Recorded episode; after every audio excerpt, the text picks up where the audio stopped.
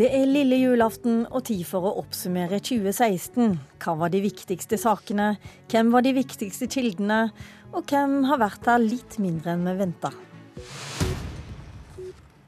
Ja, velkommen til Politisk kvarter, hvor vi både har tenkt å oppsummere året og drive en slags eh, politisk selvangivelse på vegne av dette kvarteret. Vi har med oss eh, politiske kommentatorer til å fylle ut merknader fra året som gikk. Og vi kan jo gi et lite hint til den som lurer på hva vi har snakket om i år. Signaler ut vil nok være det at eh, Norge nå eh, vedtar den strengeste innvandringspolitikken som noensinne er vedtatt. Ja, for ett år siden så var det flyktningkrisen som opptok hele det politiske Norge. Det pågikk helt fram til våren, da Stortinget vedtok det som ble den strengeste asylpolitikken noensinne, som Sylvi Lysthaug sa her. Men i tillegg så har jo året vært prega av forsvar, terror, brexit, utenrikspolitikk i dette lille programmet som egentlig handler om norsk innenrikspolitikk. Og eh, politisk redaktør Berit Aalborg i Vårt Land, er det riktig å si at dette ble virkelig det året da forhold utenlands ble mest avgjørende for norsk innenrikspolitikk? Ja, det har nok vært veldig viktig. Og jeg tenker at særlig det som går på flyktningkrise, har vært prega av den innenrikspolitiske debatten veldig mye. Og det har på en måte blitt den store politiske skillelinjen i 2016. og Det har bl.a. ført til at Frp har vært veldig i vinden, og de har på en måte vært de mest markante på å stramme inn. Så jeg vil si at det har vært en av de konsekvensene av, av noe av det utenrikspolitiske vi har eh, sett innenrikspolitisk i år. Lars Nehru Sand, du er liksom vår tallknuser her i NRK. Politisk kommentator du også. Hvem andre enn Fremskrittspartiet har tjent eh, på flyktninger, eh, flyktningsaken?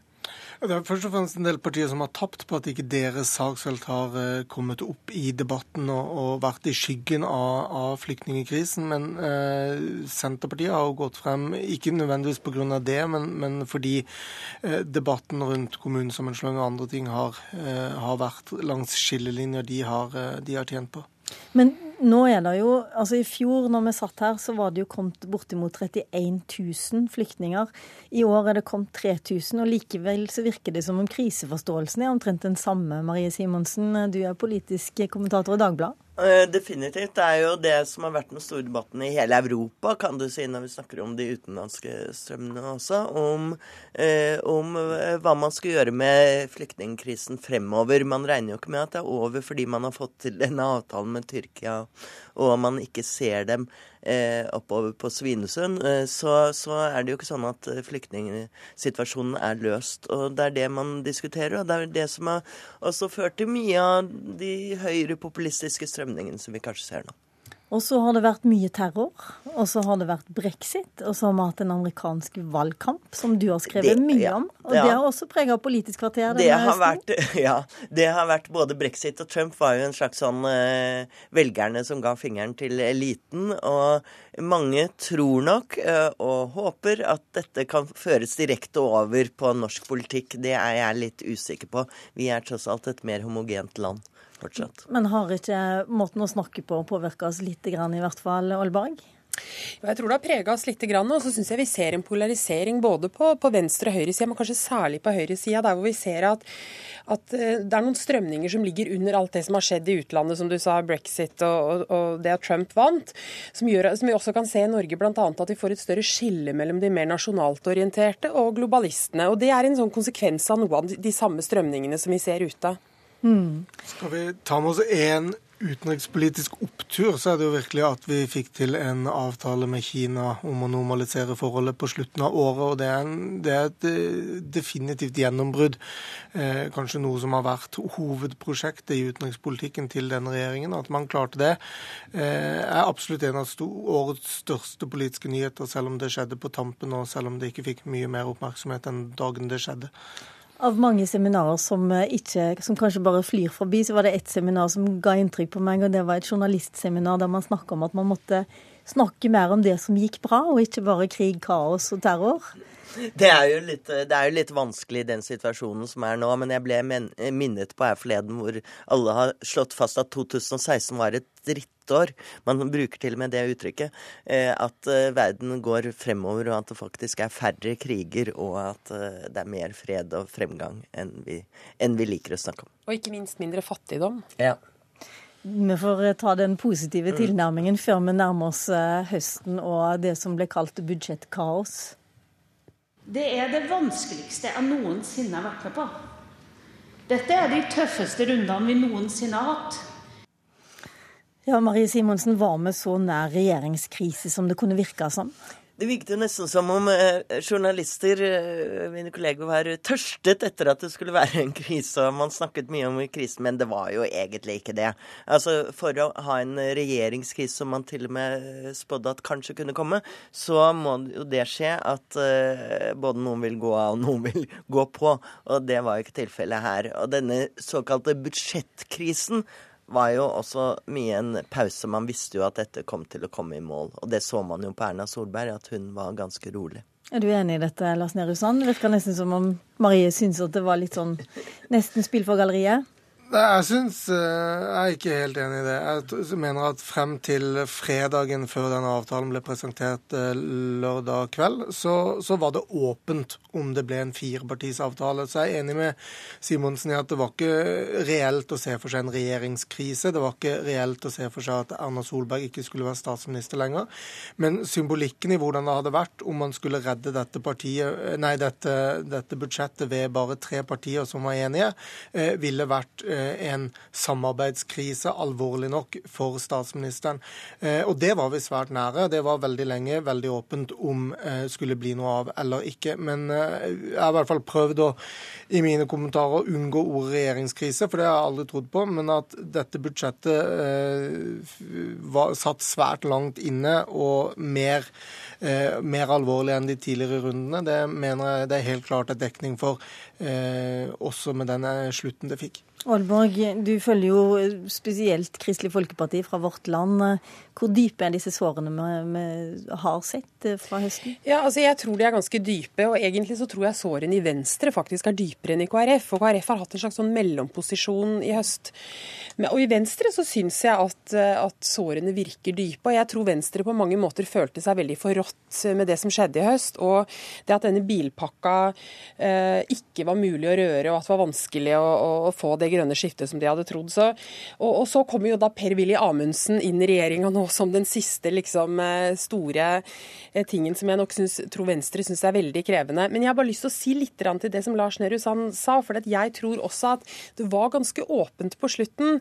Så at det var en tillitskrise, og at vi var nærmere eh, Vi var i hvert fall nærmere en regjeringskrise enn det vi har vært på ganske mange år i Norge. Det tror jeg. Mm. Men noe av problemet til Venstre er jo nettopp, som Trine Skei Grande sa, at de trodde jo ikke at vi skulle bryte. Og det har jo regjeringen på mange måter all grunn til å ikke tro, fordi at Venstre sier jo gang på gang, eller Trine Skei Grande, at, at de bare vil samarbeide med ikke-sosialistisk regjering. Men et ord som vi gjerne prøver å bruke, eh, ikke prøver, men pleier å bruke om regjeringa på omtrent dette stadiet, det er ordet regjeringsslitasje. Og det brukes ikke så veldig mye i debatten nå. Vi hører jo ikke så mye om at det slites mellom Høyre og Frp. Nei, altså tross jeg er selvfølgelig enig i at det var drama i høst, men det har det jo også vært uh, hver høst med den regjeringen. Men ellers så er det det som kjennetegner at den har Eh, klart seg overraskende bra i forhold til den eh, slitasjen. Og det eh, ser man jo også på målingene. Vi driver en slags selvangivelse, har jeg annonsert her. Og da tenkte jeg også vi skulle snakke litt om hvem som har vært mest i Politisk kvarter. Nå vet dere det, men hadde dere gjetta det, Marie Simonsen? Jeg var sikker på at det var regjeringens eller Høyres nye talsmann Henrik Asheim. Hvem hadde du trodd, Berit Aalborg? Nei, jeg syns ikke det er så veldig overraskende at, eh, at, Senterpartiet har vært der mye. Jeg er kanskje litt overraska over at Arbeiderpartiet har vært såpass lite som de har vært. Og så hadde jeg trodd kanskje at eh, Erna hadde vært der noe mer, men det er vel fordi hun er statsminister og sånn sett ikke alltid ønsker å komme eller har tid til å komme. Du var inne på det. La oss avsløre hvem som var hyppigste gjesten her. Det er jo en, eh, er jo en helt uansvarlig prosess som nå skjer. Altså I løpet av noen få måneder så skal man måtte bestemme hvordan Norge skal inndeles. Ja, Trygve Slagsvold Vedum er den flittigste gjesten i Politisk kvarter i 2016, og han har hatt stor framgang på meningsmålingene også, så det lønner seg å stille opp, åpenbart. Hvor går Senterpartiet nå, Lars Nehru Sand? Senterpartiet rendyrker jo veldig profilen sin. Jeg tror Det man kan lese ut av, kildetallene til Politisk kvarter, er vel også at uh, Trygve Slagsvold Vedum har fått dette til å handle om, altså sin motstand mot regjeringen til å handle om mer enn én ting. For det er klart Du kan ikke gjeste et debattprogram altfor mange ganger på den samme saken, uten at uh, mange vil bli, bli, lei av det. Men uh, Vedum har vært flink til å si at dette handler ikke bare om kommunesammenslåing, det handler også om politi. Det handler ikke bare om politi, det handler også om lokalsykehus. Det handler ikke bare om det, det handler også om alt fra DAB til andre ting, ulvesaken osv. Så, videre. så han har hele tiden klart å ha en veldig rød tråd i, i sin uh, sentrum-periferi-dimensjon og utnytte det til fulle. Han er rett og slett en ganske flink uh, opposisjonspolitiker, og det tror jeg nok forklarer hvorfor han klarer å være den politikeren som er her mest. Men han er jo på et område som nå er midt i blinken. Han er jo virkelig står for denne politiske strømningen som vi snakket om innledningsvis, og som mange misunner ham. Og i nærmest i snart fire år så har jo han vært litt alene på dette området. ikke sant? De andre har holdt på med sine reformer, forlik, alt dette her. Mens Senterpartiet har hatt en klar og tydelig profil.